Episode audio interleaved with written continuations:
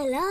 Έλα, αγάπη μου, τι κάνεις, πώς πάει το σχολείο; Mom, Yaya is on the phone. Talk to her, Maria. She's asking about school. Έλα, μαμά. Σου έχω πει να μάθει το παιδί ελληνικά. Δεν υπάρχει ελληνικό σχολείο εδώ. Υπάρχει το Greek LOL. Τι είναι το Greek LOL? Greek Lessons Online. Ένα ελληνικό σχολείο για όλους. Όπου και να μένεις τώρα, μαθαίνεις ελληνικά. Έχει και δωρεάν δοκιμαστικό μάθημα. Maria, go to greek-lol.com and book a free trial now.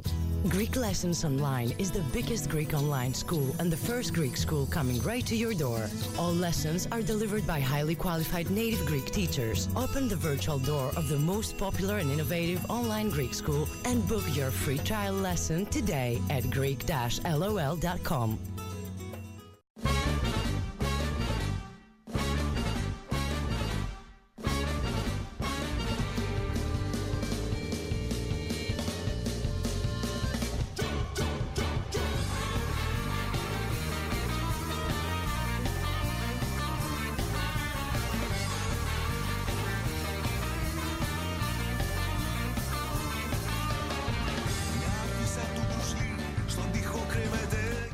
Καλησπέρα από το Amsterdam. It's Thursday night and we are back on Radio Salto like every week wherever you are. This is Hellas Pindakaas, the only bilingual expert radio show in Holland. We are broadcasting live on Amsterdam Public Radio. I'm Nikos Koulousios.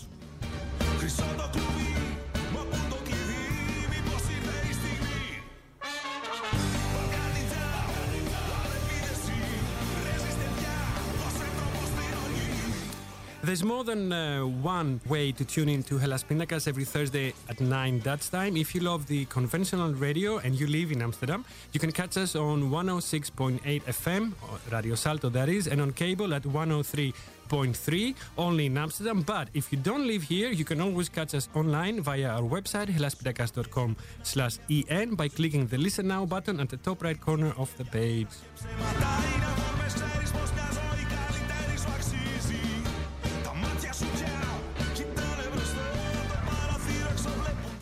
Our guest tonight is third generation Greek Australian. He doesn't speak Greek, but because of that, he probably has a unique view on Greek immigration and diaspora. He is an AIDS activist. He is the owner of the Fetish Club Church in Amsterdam, and at the same time, he is the face behind the drag queen persona Jennifer Hopelezz.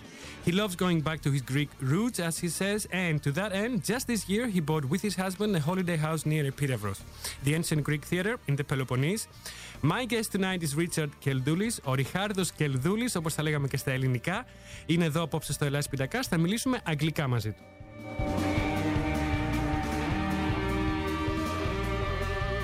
If you're on social media, go on and grace us with your comments or your questions for Richard on Hellas Pitakas on Facebook. Go on now to our Facebook page and post your comment as a new post, not a message, a new post, or talk to us on Twitter using hashtag Hellas Pitakas and hashtag Club Church. Για να επικοινωνήσετε τώρα μαζί μας ζωντανά, μπείτε στη σελίδα του Hellas Pitakas στο Facebook και ποστάρετε το σχόλιο σας σαν νέο post στη μέση της σελίδας.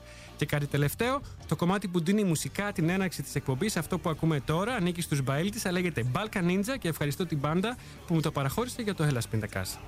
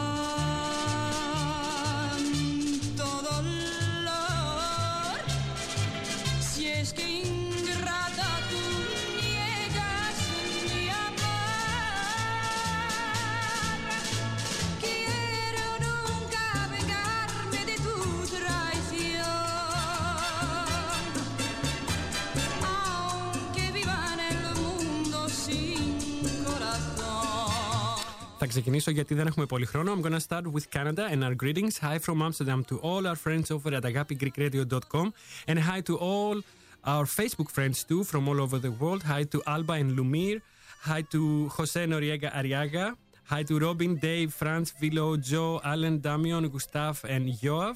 Χαιρετίσματα και στη Γιώτα Μπαρόν, στη Μαριάννα Φωτιάδου, την κοινή μας φίλη εδώ, στον Σπύρο, στην Εύα, στον Αντώνη και του Super Greek, στην Τέτη και τον Γιώργο, στον Κωνσταντίνη Κουκιά, στον Παναγιώτη, τον Πασχάλη και φυσικά στον ανεκτήμητό μου συνεργάτη, τον Art Director Νίκο Δούλο. Μου πεμαντήσα πως για να σε βρω θα πρέπει φτερά να έχω και πως για να πιω απ' τα χείλη σου θάλασσες να τάξει. The first song for tonight was Mr. Lou by Caterina Valente. And now we're playing Marina Satti Mantissa.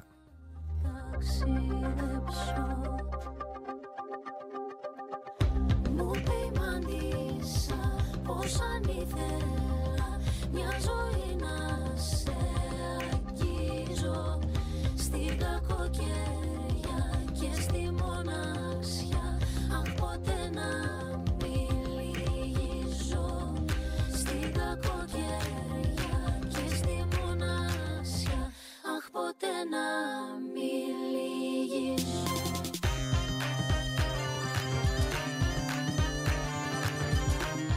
One last thing before we start with our um, conversation with our guest for tonight. You can also listen to our show on agapigreekradio.com on repeat twice a day at 12 uh, in the afternoon and at 9 in the evening, local Dutch time. Agapigreekradio.com is a web radio from Toronto, Canada that broadcasts Greek shows from all over the world. If you miss the live Hellas Pindakaas Thursday night, like tonight, you can always catch us on demand on agapigreekradio.com twice a day at 12 in the noon and at 9 in the evening, local Dutch time. But on demand, you can also play all our previous shows also on our website, helaspodcast.com slash en under the tab shows. Or you can go on our SoundCloud page and play them from there if you use SoundCloud. Now, on SoundCloud, you can also download every show you're interested in.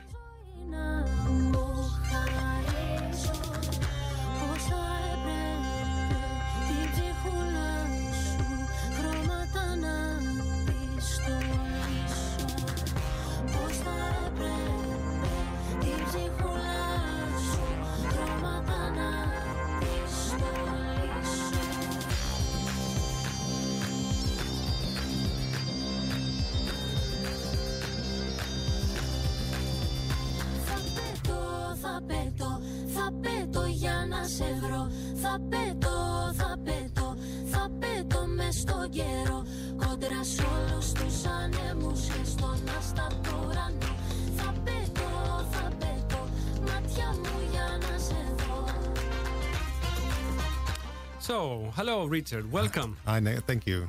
Welcome, welcome to Hellas Pindakaas. Thank you. I do have to say here that Mariana Fotiadou really brought us together. Yep. Although I have heard about a Greek Australian who's doing great things at Club Church, but not only. But we've never been really been properly introduced. No, exactly. Yeah. Yeah? No, I think we've Which seen is a pity. Yeah. We have seen each other Yeah. on many occasions, but we didn't know about each other, right? Right. No. Uh, so let's start from the very beginning. You were born in Australia. Yeah.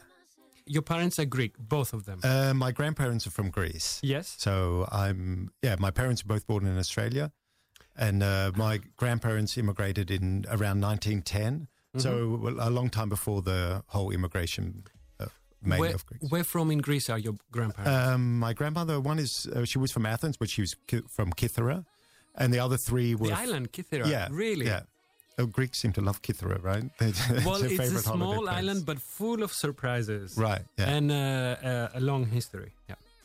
And uh, the other three were from Turkey. So one from Izmir Yeah. and one from, I think, Constantinople, and the other from. Nowadays, Turkey, you mean? Yeah, now, yeah, exactly. It was now it's Turkey. So they were all Greeks that left around 1910 or around 1920. Mm-hmm, Um, do you still have a large family in Greece right now? Um, we've got no relatives anymore. Everyone emigrated, basically. Yeah. Ah, that so? Yeah. So we don't really have.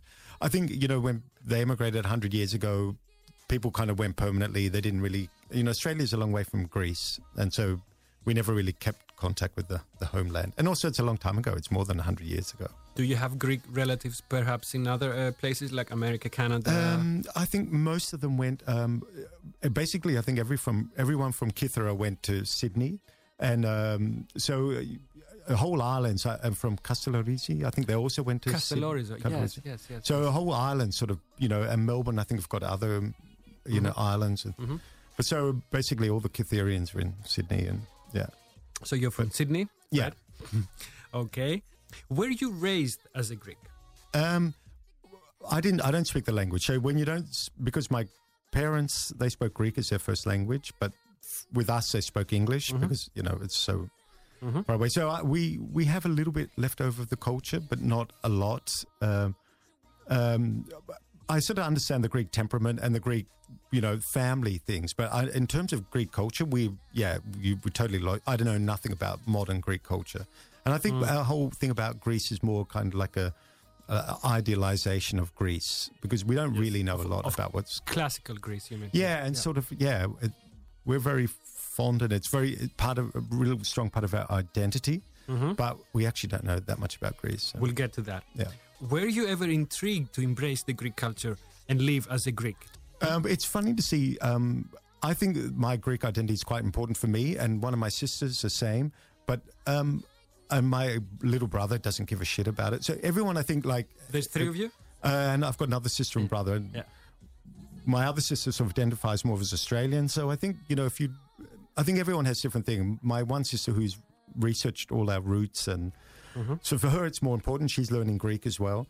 But uh, I, you know, um, I think yeah, it's part of the identity, but it's sort of not really. Um, yeah, uh, everyone deals with it in different ways. I think. Mhm, Of course. The ancient Greeks were saying that Greek is whoever embraces the Greek culture and education. Okay. What they call paideia, which is a combination of culture and education. Basically, the way someone is raised. So, values, uh, the history, the customs. Right. Um, it is a very inclusive statement if you think about it Yeah. at, at that time. So, everyone is welcome to be part of the Greek uh, culture, and that's what makes you Greek, not any Right. borders, not, not even the language so Right. much. Yeah. The other more, more important things. Um, how do you see the Greek situation, the situation in Greece? I mean, from your standpoint right now, with your context and your background. Um, well, you know, I like I say, um, I have a lot of Greek friends now that I live in Amsterdam. Yeah. But um, before that, I really knew very little about what's going on in Greece. You know, we our knowledge of Greece stopped hundred years ago, and you know, we I know a lot about Greek Australian culture, and uh, but Greek culture, no, I, I don't really know a lot about.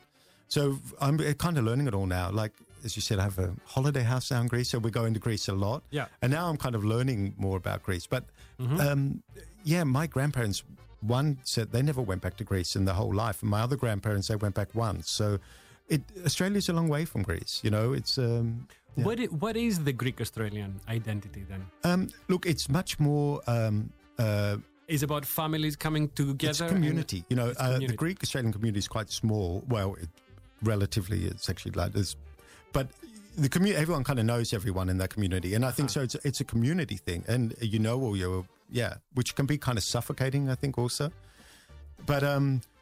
So I know a lot about the Greek Australian way Mm-hmm. of life and, and the Greek culture and where, how Greeks have emigrated in Australia and what they've done in Australia, but I, I can't tell you very much about Greece. What was suffocating, since you mentioned it? Um, well, yeah, it, it's the same. It's in any, any immigrant culture. I think Yeah. you see it in Holland with the Turks and the Moroccans. It's a community of say 100,000 people. Uh, so everyone knows everyone else's business. So if you misbehave, your uncle's going to call your father, and you know everyone sort of knows. And I think that is Yeah. um, more about. That. I think that's part of the. Uh, yeah, community thing, which can make it can be quite conservative actually. And so I think Greek Mm-hmm. I was just going to ask you that. I was Yeah. just going to ask you that because uh, we think that about Greeks living abroad, like the diaspora, that they are a little bit uh, behind. Definitely. Although it sounds weird. Yeah. Like I don't even want to say it. Yeah, Like it yeah. sounds like. Uh, often the people from the country, you know, they're and not a little bit conservative, a little bit maybe over nationalistic at Yeah. certain moments. Yeah. Probably because they live far away and they are um, oversensitive or. they're time warped, you know, like Yeah. so. Of, Most of the Greeks in Australia came from the 50s, so they've kept the 1950s Greek Yeah. culture. Yeah. But um, so they're time warped, and they're and it's a community thing, and it's very suffocating because everyone knows everyone, and everyone's intermarried, and you know, I've also, you know, So my parents' generation, they all married Greek Australians. All my, except for one of my uncles, but everyone else married Greek Australians. And my generation, actually, no one did. They've all married Yeah. out of the Greek community. But yeah, they all they hung out in Greek clubs and they went did Greek things and you know. But they're not as um, a close club as uh, other cultures, maybe, like the Jewish culture. you also mentioned it uh, at the beginning. um, I think You have some ties with. Um, Um, well, yeah. So, uh, well, we thought we were Jewish, but I did Ah. a DNA test and we're not. but my grandfather's from like Thessaloniki, also Yeah. that whole area, which had a big Jewish community. But right, um, exactly. I did a DNA test. Actually, got Yeah. more Italian blood than Greek. Which, but I think a lot of um, Greeks have Italian blood. Of course. Yeah. So we, we are a blend. yeah, yeah, yeah. So it's actually interesting. But all the relatives were still like Mm. Greece. But anyhow, it's so fascinating because then actually you realize that your cultural identity is much more important than your actual uh, genetic identity. Yeah. It's your cultural identity. Yeah.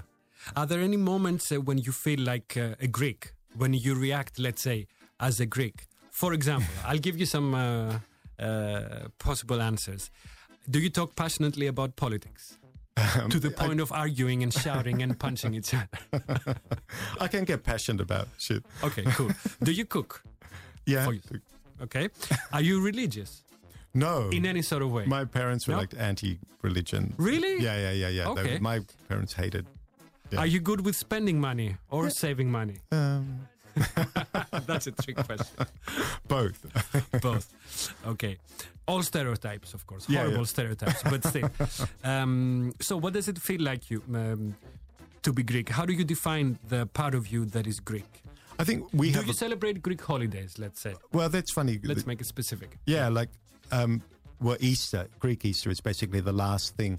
Well, it's funny. I when once you lose the language, you lose contact with the the culture. And um, but the last things that um, I think you remain of a culture is Greek Easter, what we call Greek Easter.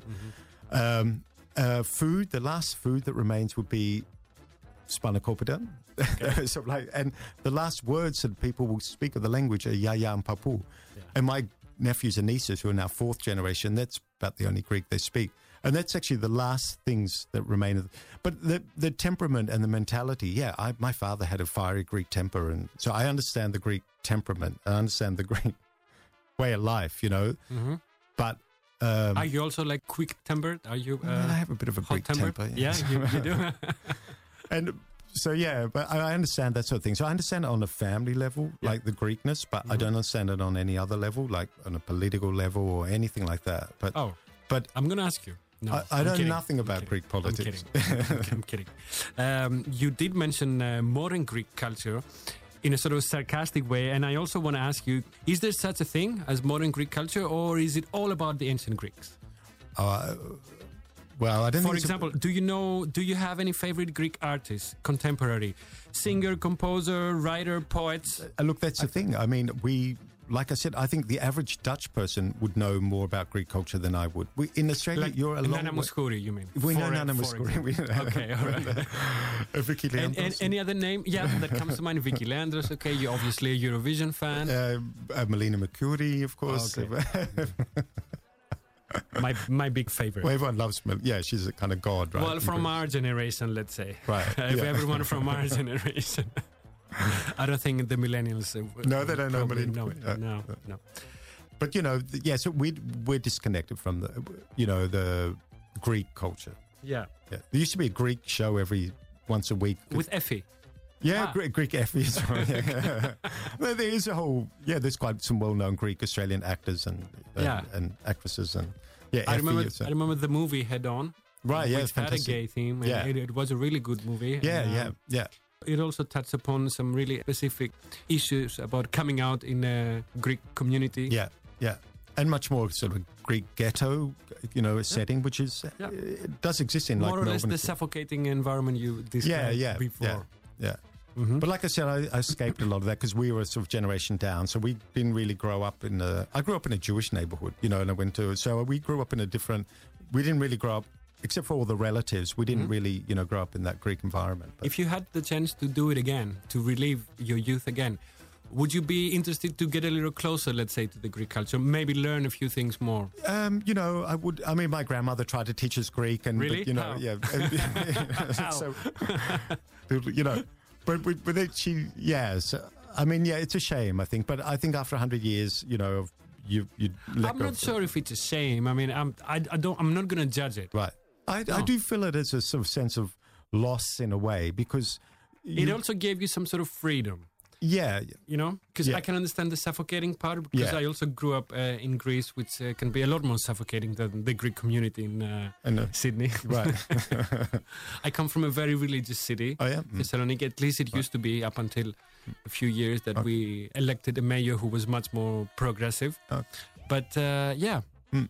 i can sort of share a Yeah. little bit of it yeah yeah it is a sort of shame you lose but uh, you Mhm. know but if you look at for example dutch people who immigrate to australia they lose their language very quickly like definitely within a language and the dutch so they and the greeks they're kind of stubborn they do keep their culture Mm. for quite a long time Mm-hmm.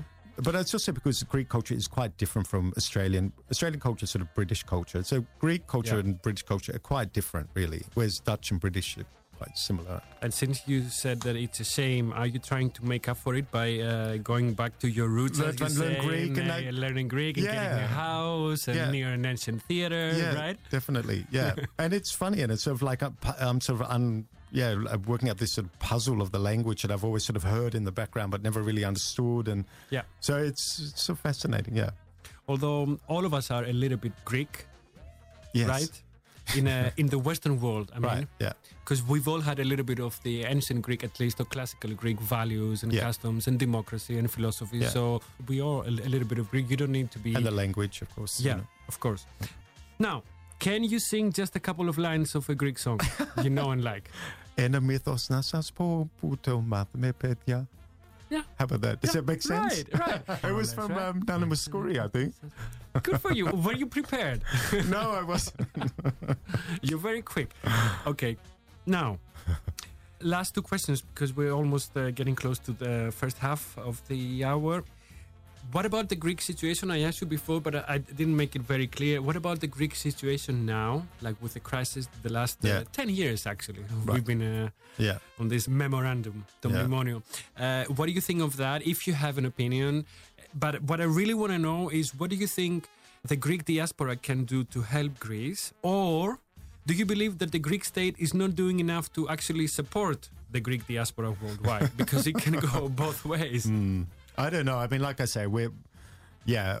Uh, I don't know. I don't know enough. You about have heard, you have heard what went on Yeah, yeah. Yeah. What do you mean the in Greece with a with the a crisis, yeah, with, of a, course. with a Euro course. crisis. Yeah, yeah, yeah, So yeah. tell me how you feel about uh, it's about it. horrible to see it, and I think uh, I, what I noticed, I found living in Holland Yeah. that suddenly the Greeks are like, you know, in the middle of the crisis. They were stigmatized. Exactly, which is weird. It went from one, one day, from yeah, Turkish for- to Moroccan to the Greeks were Yeah. the bad guys. I've sort of forgotten that now, but yeah, it was it was funny, and I, you know, obviously took the Greek side and hated what happened to Greece and the way they were treating, you know, treating them like, uh, yeah, punishing them basically. Mm. So it was horrible. I think, and I think it's really done a lot of damage. Of course, I Mm-hmm. think Greek society's like yeah fallen apart a lot. So What So, do yeah, your. What do your Dutch friends say when when they hear that you're actually Greek? um, yeah, no, we pre look. Greeks generally have a good reputation. Uh, people like Greeks Yeah? generally, right? Really? Yeah, Really? you don't think so?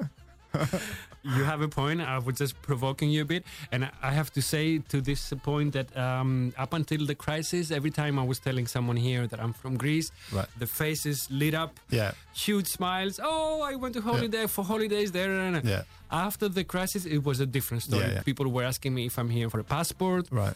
if I need this, if I need you paid that, if, if I have money yet to pay my rent and my taxes and all Right. But is that still like that now, or has that changed?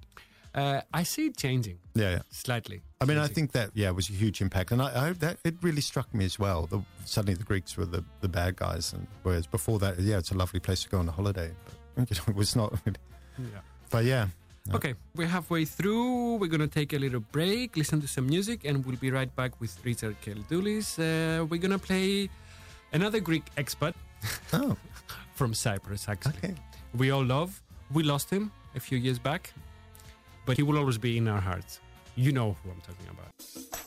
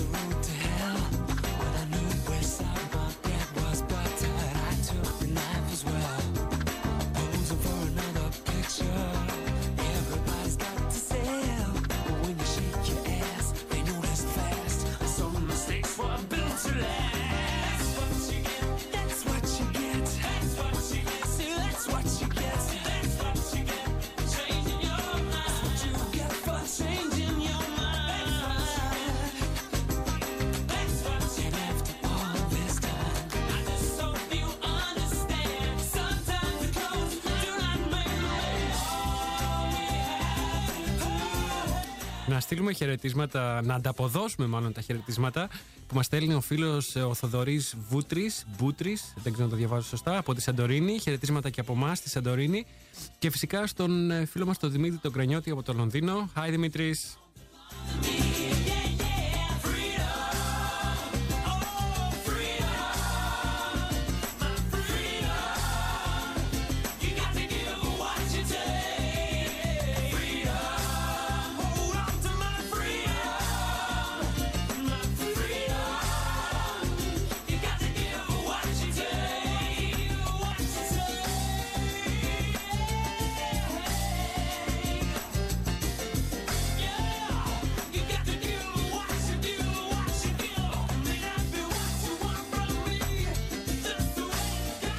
And we're back. I'm sitting in the studio with Richard Keldoulis talking Greekness uh, so far, and so we shall continue. Do you take a lot after your father? is my next question. Um, yeah, I guess so. Um, Was he a strict father? uh, not really. Um, uh, In what ways do you take after him? Do you I have think I should voice? take after my mother more than my yeah, father. your mother, really? Probably, yeah, yeah. Yeah. But um, yeah. That's a, that's a stereotype too oh, for the gays, no? Is it no? yeah, it- it can be, but uh, I think I take more after. She was closer to you, like Um, growing yeah, up, Yeah, like all mothers in a way. yeah, are. exactly. Father was busy Yeah. uh, working and Yeah. playing golf and stuff like that. So Ah, playing golf. yeah, it's like very integrated into the Australian culture. I was going to say not very Greek. Not very Greek. Was he also playing tavli? No, but we did learn Backgammon? Tavli as You did know kids. Tavli? Yeah, yeah, yeah, yeah. We played Tavli as You- kids. you see? Yeah. Um, now, you said he wasn't really a strict father. How about when you told your parents you're gay? How did they Um, rea- react? They're actually right. He was actually better than my mother was. To, I think would yeah, she found it a bit more difficult. My father was actually fine, Ah. and um, I've.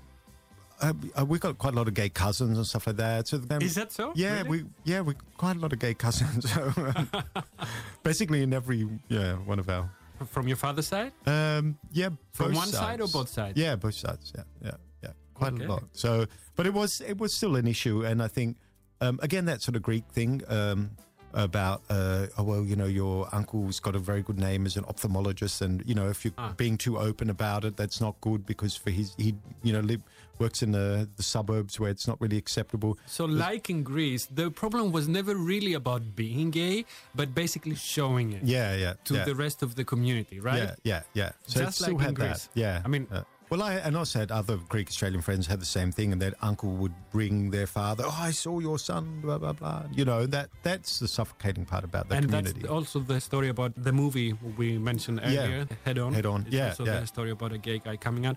Yeah. Um, were you an introvert kid I- or an extrovert?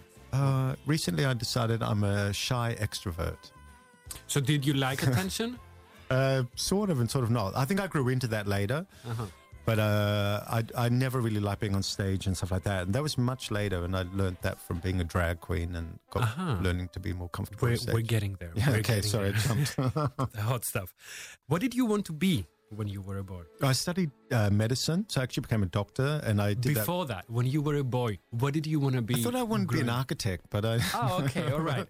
Okay. then I did a thing, and they said I've got really bad spatial. Uh, I'm really bad spatial. Um, uh, how like do you call skills? And, yeah, uh, exactly. And I yeah. thought, yeah, okay, you need that to be an architect. So, and I came from some environment where everyone like became doctors or lawyers, or Also, a typical Greek sort of thing. Greek thing, At, yeah. at least they aspire that Yeah. their children will uh, exactly. become Yeah. something like that. My mother always wanted me to be a lawyer. Oh, yeah? for example, always. Oh yeah, yeah, Yeah. yeah, yeah. that whole Yeah. pressure, and, and the Greek culture, I think, was very much like studying and and getting ahead and Mm-hmm. all that, and especially from immigrant culture. I think my father grew up like quite poor, and so but all his brothers and sisters became successful, and and uh, so the, there's that that immigrant thing, and um, and my grandfather on that side was a successful businessman, so we've also got that like business side is very Yeah. important, which is very immigrant. Were you artistic? And uh, I have another Artistic or autistic? artistic. Oh, artistic. and uh, who did sort of. who did you idolize as a young gay boy? Um, I want to ask. Hmm, who did I idolize as? Oh, that's Be a, honest. It's a long time ago. I don't know. I Uh, again, be honest. Who did I idolize? Oh, no, really, it's a long time ago. I don't remember what I. Okay, I was sort of artistic, but not really. Yeah, Maybe you didn't really idolize anyone. I You did, so- but I can't were sort think of a free spirit. I was free spirit. Let's just call it that. Were you like A, I think I was a strange child. take that guy?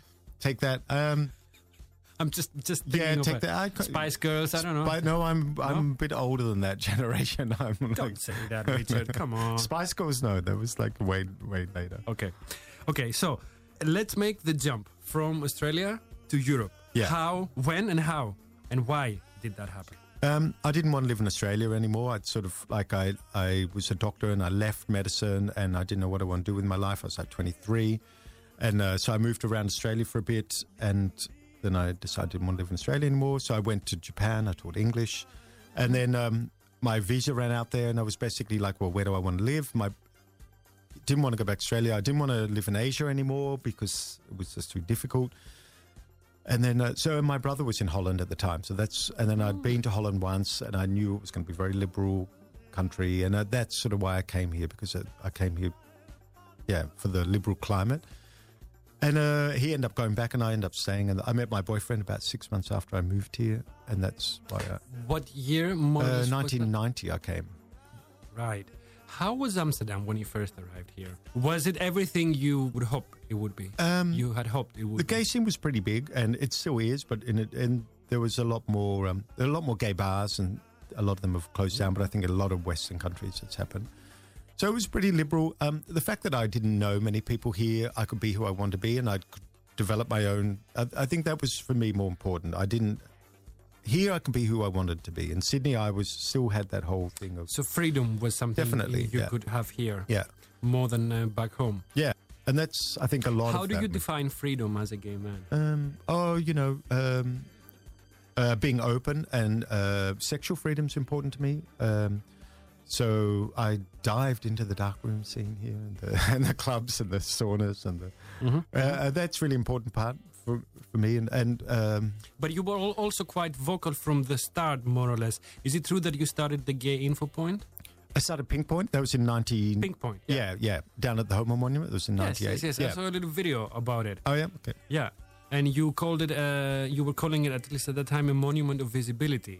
Right. So my question was, there was not enough visibility at that time Um, no. Um. I, in Amsterdam? I, no. That Was it something uh, that it was missing? That Uh, we were there mainly for the for the Homo Monument. Yeah. So yeah, so the Homo Monument I always thought was badly signposted and not very visible. And we had the opportunity to start a kiosk there that someone could arrange licenses and stuff.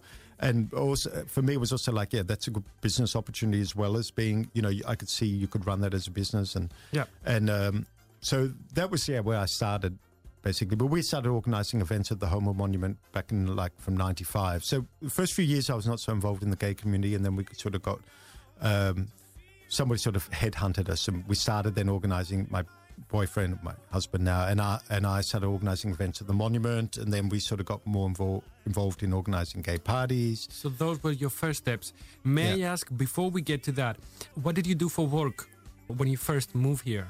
It would be interesting to know, you know, as an expert, you know, just moving here. What was your first thing you you, I, I you taught did? English because yeah. I'd, I'd, I'd been teaching English in Japan. So the first thing I did, I actually worked for the same company. I found looked them up. They had an office Ah, here, and cool. so even though I'd got fired in the office in Tokyo, they didn't know that. It's a new world. It's Amsterdam.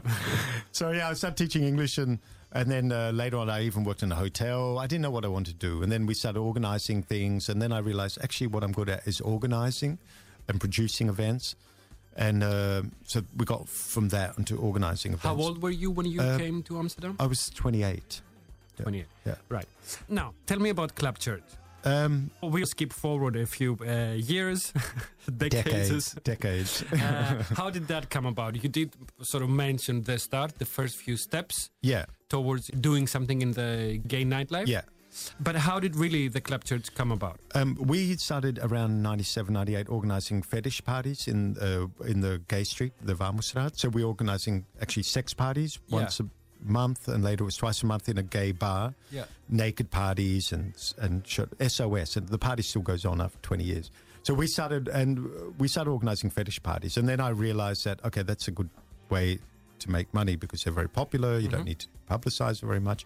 And from that, we looked for another venue to organize underwear parties. And one thing led to the other. And we ended up at this club where we are now. And the owner, the club wasn't going very well. And he said, Well, do you want to turn it in? You guys want to take it over, basically. So that's how we started. So the first couple of If years. If I remember well, uh, that was the old Club LA. Yeah, yeah, exactly. Right? Yeah.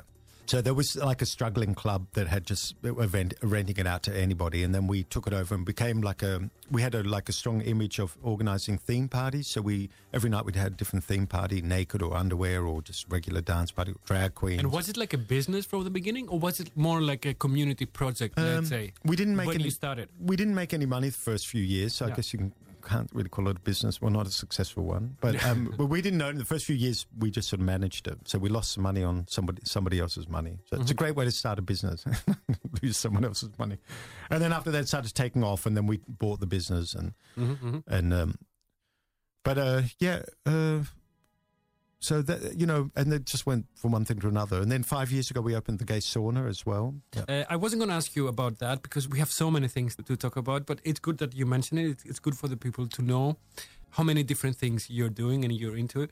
Now, tricky question why does Amsterdam, or why did Amsterdam at that time, need yet another fetish club? Um, and is or was there room for one more? Definitely, because Really? uh, yeah, the the gay fetish scene is quite um, not only in Amsterdam but everywhere is a bit old and um, It's also- getting smaller and smaller. it's getting smaller. Uh, it never changed. You know, the up until AIDS. uh, So people were doing the same thing over Yeah. and over and over again. well, you go to any fetish club in the, all over the world, and most of them are exactly how they were in 1985. No one's really updated anything because after AIDS hit, no one invested in it. Everyone sort of people started moving on. Then internet came, so most fetish clubs actually really time warped and really, uh, yeah, not very interesting. So there definitely was room to do a fetish club based on theme parties. What we did, and it's something new, and we're also not really strict like old school fetish, but we are open to more different kind of things. And fetishes change as well. You know, I noticed that you also do workshops. I heard about them. we we do all kinds of shit in the club. Like so, in that sense, it's like a community center. We- Yes. yeah, we have like a yeah, we have uh, drag academies where drag queens learn makeup and stuff like that. We do uh, debates on PrEP. Uh, we've we've done chemsex debate just a couple of weeks ago. So we we are a community thing, and I think that's the strength of churches. It's a fetish club, but we're relevant outside just the fetish scene. We're also relevant actually for the whole gay scene and even uh, for Amsterdam itself. You know. Are you a night person yourself? No, I'm a morning No? person. So You it's are a terrible thing to. Yeah, I should not run a club. I'm a morning person. Okay, then next question comes naturally. How tough is it running a fetish club? Um, well, And are the standards much higher than any other club? no, it's easier than any other club. Really? That's a secret. Yeah, it's a lot easier because, like- health issues, you know, hygiene issues, all these things. um, that's fine. Um, you know, we have really good contact with the health department. We always have. That's always been really important. We've always we're the only fetish club in Amsterdam that's always had condoms, lube for free all over the venues. Through uh, uh, uh, so I, we've always worked with the health department. So that's been really important. And um, so anything the health department wants, we do it. If there was a hepatitis A uh, outbreak, then we would publicize it. Like they want us to publicize it on the website. People get vaccination. So I think we've we're like the best boys in the class in Yeah. terms of working with the health department. And but a, a general club like a nightclub, that's a hard way made to make a buck because you only open usually Friday, Saturday night for eight hours, or it's a hard way to make a living. But a fetish club, people want to have sex, or you know, not only the weekend. So we're open Tuesday to Sunday. But then you turn on the TV and you see, for example, the Orlando Gay Club shooting. What's your reaction? What do you do? Um, oh, that was kind of scary, and, and people asked about stuff like that, and uh, well, you, know, just carry on. What are you going to do? Get Did you have to take any precautions, any extra Um, measures, do something about it? I know uh, we had a meeting with the mayor. That was just before Gay Pride, Uh-huh. and and um, and they kind of reassured everyone that kind of the things that they uh, security measures that they do with visible and invisible security measures. Yeah. So, count the city is pretty on top of all that sort of stuff. They aware of like Gay Pride can be, uh, you know, a target and stuff like that. So. Um, you know what I always notice? Um, we've never been robbed. Uh, Pink Point never got robbed. We never got held up. People, and I put down the homophobia because people will actually, you know, they, uh, you know, these young guys, uh, you know, don't want to go into a gay bar and rob them because they're homophobic. So I think it protects you in a lot of ways. Yeah. Uh, now, I notice we only have 10 minutes and a lot of things I still want to ask you. Let's get to the really juicy stuff. Tell us about Street Heart Festival. Oh, Street Art. Oh, that, so that, that was a festival we started two years ago in front of the club Yeah. because we, um, In front of church? yeah, yeah, we, we do it in the Kerkstraat there. And there's several reasons. One of them was that outside of Gay Pride, there's no like public gay festivals in Amsterdam. It's all during Gay Pride, and otherwise, the rest of the year we disappear behind closed doors. There is something small happening on the Zeedijk. Uh, that's Hartjesdag. Yeah, that is Yes. a sort of gay thing that's a cross dress festival. That goes back to the Middle Ages. That's where I first started dragging up. But um, and, Uh-huh. and the other thing was um, uh, we also want to bring out like um, uh, take the mythology, you know, make people see what goes on behind closed doors or in Mm-hmm. the club. Everyone's a bit scared of club church. It's good to bring it on the streets and be, you know, so it's specifically ch- child friendly and family friendly that day. 'Cause we want to, yeah, we want to make people feel, you know, connected, not scared know, of, yeah, yeah. And we do have to say here that on a Thursday night, you have a, an event that is also open for. women and Girls, transgenders yeah, and everyone. everything, straight people. That's very important. yeah, yeah. It's a, So- yeah. But it's so- an evening that people who are scared of club church, they'll always come Thursday first. They get used to the club. Like our friend Mariana, Yes. for example. And we're doing, we're actually opening up more and more parties uh, to women and transgenders. Oh, yeah? Yeah, yeah. So actually, first Saturday of every month is also for women. And so, yeah, we were kind of breaking down that gender barrier because it's breaking down anyhow. So, now, what should I ask first? Damn, damn, we only have 10 minutes left.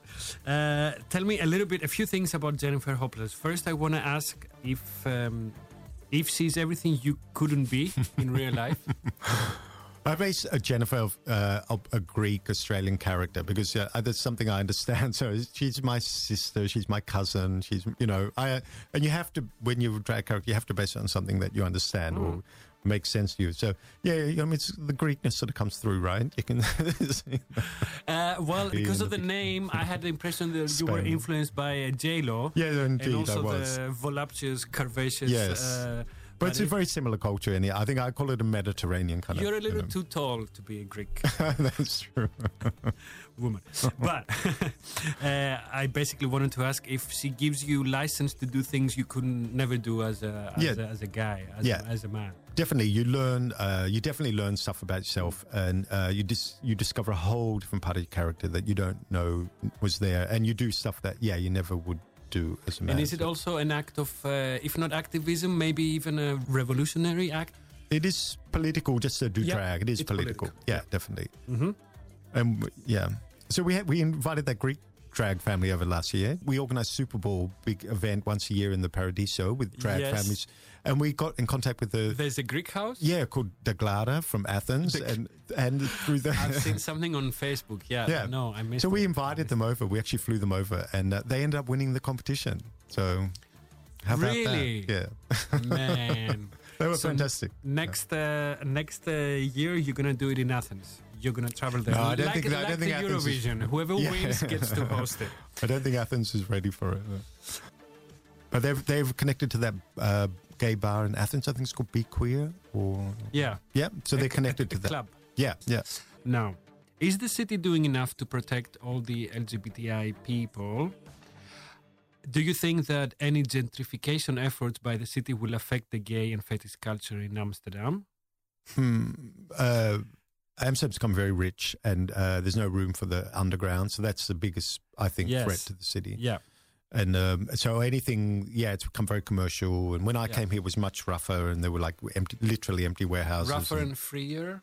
yeah, it was more underground. It was more uh, alternative, and now it's become very mainstream. Like, well, you know, a lot of places. With, it's a real shame. But there is a lot of lifestyle in, left in gay Amsterdam, and it's moved into festivals and parties. There's a lot of parties going on, and you know, Kalinichte, that Kalinita.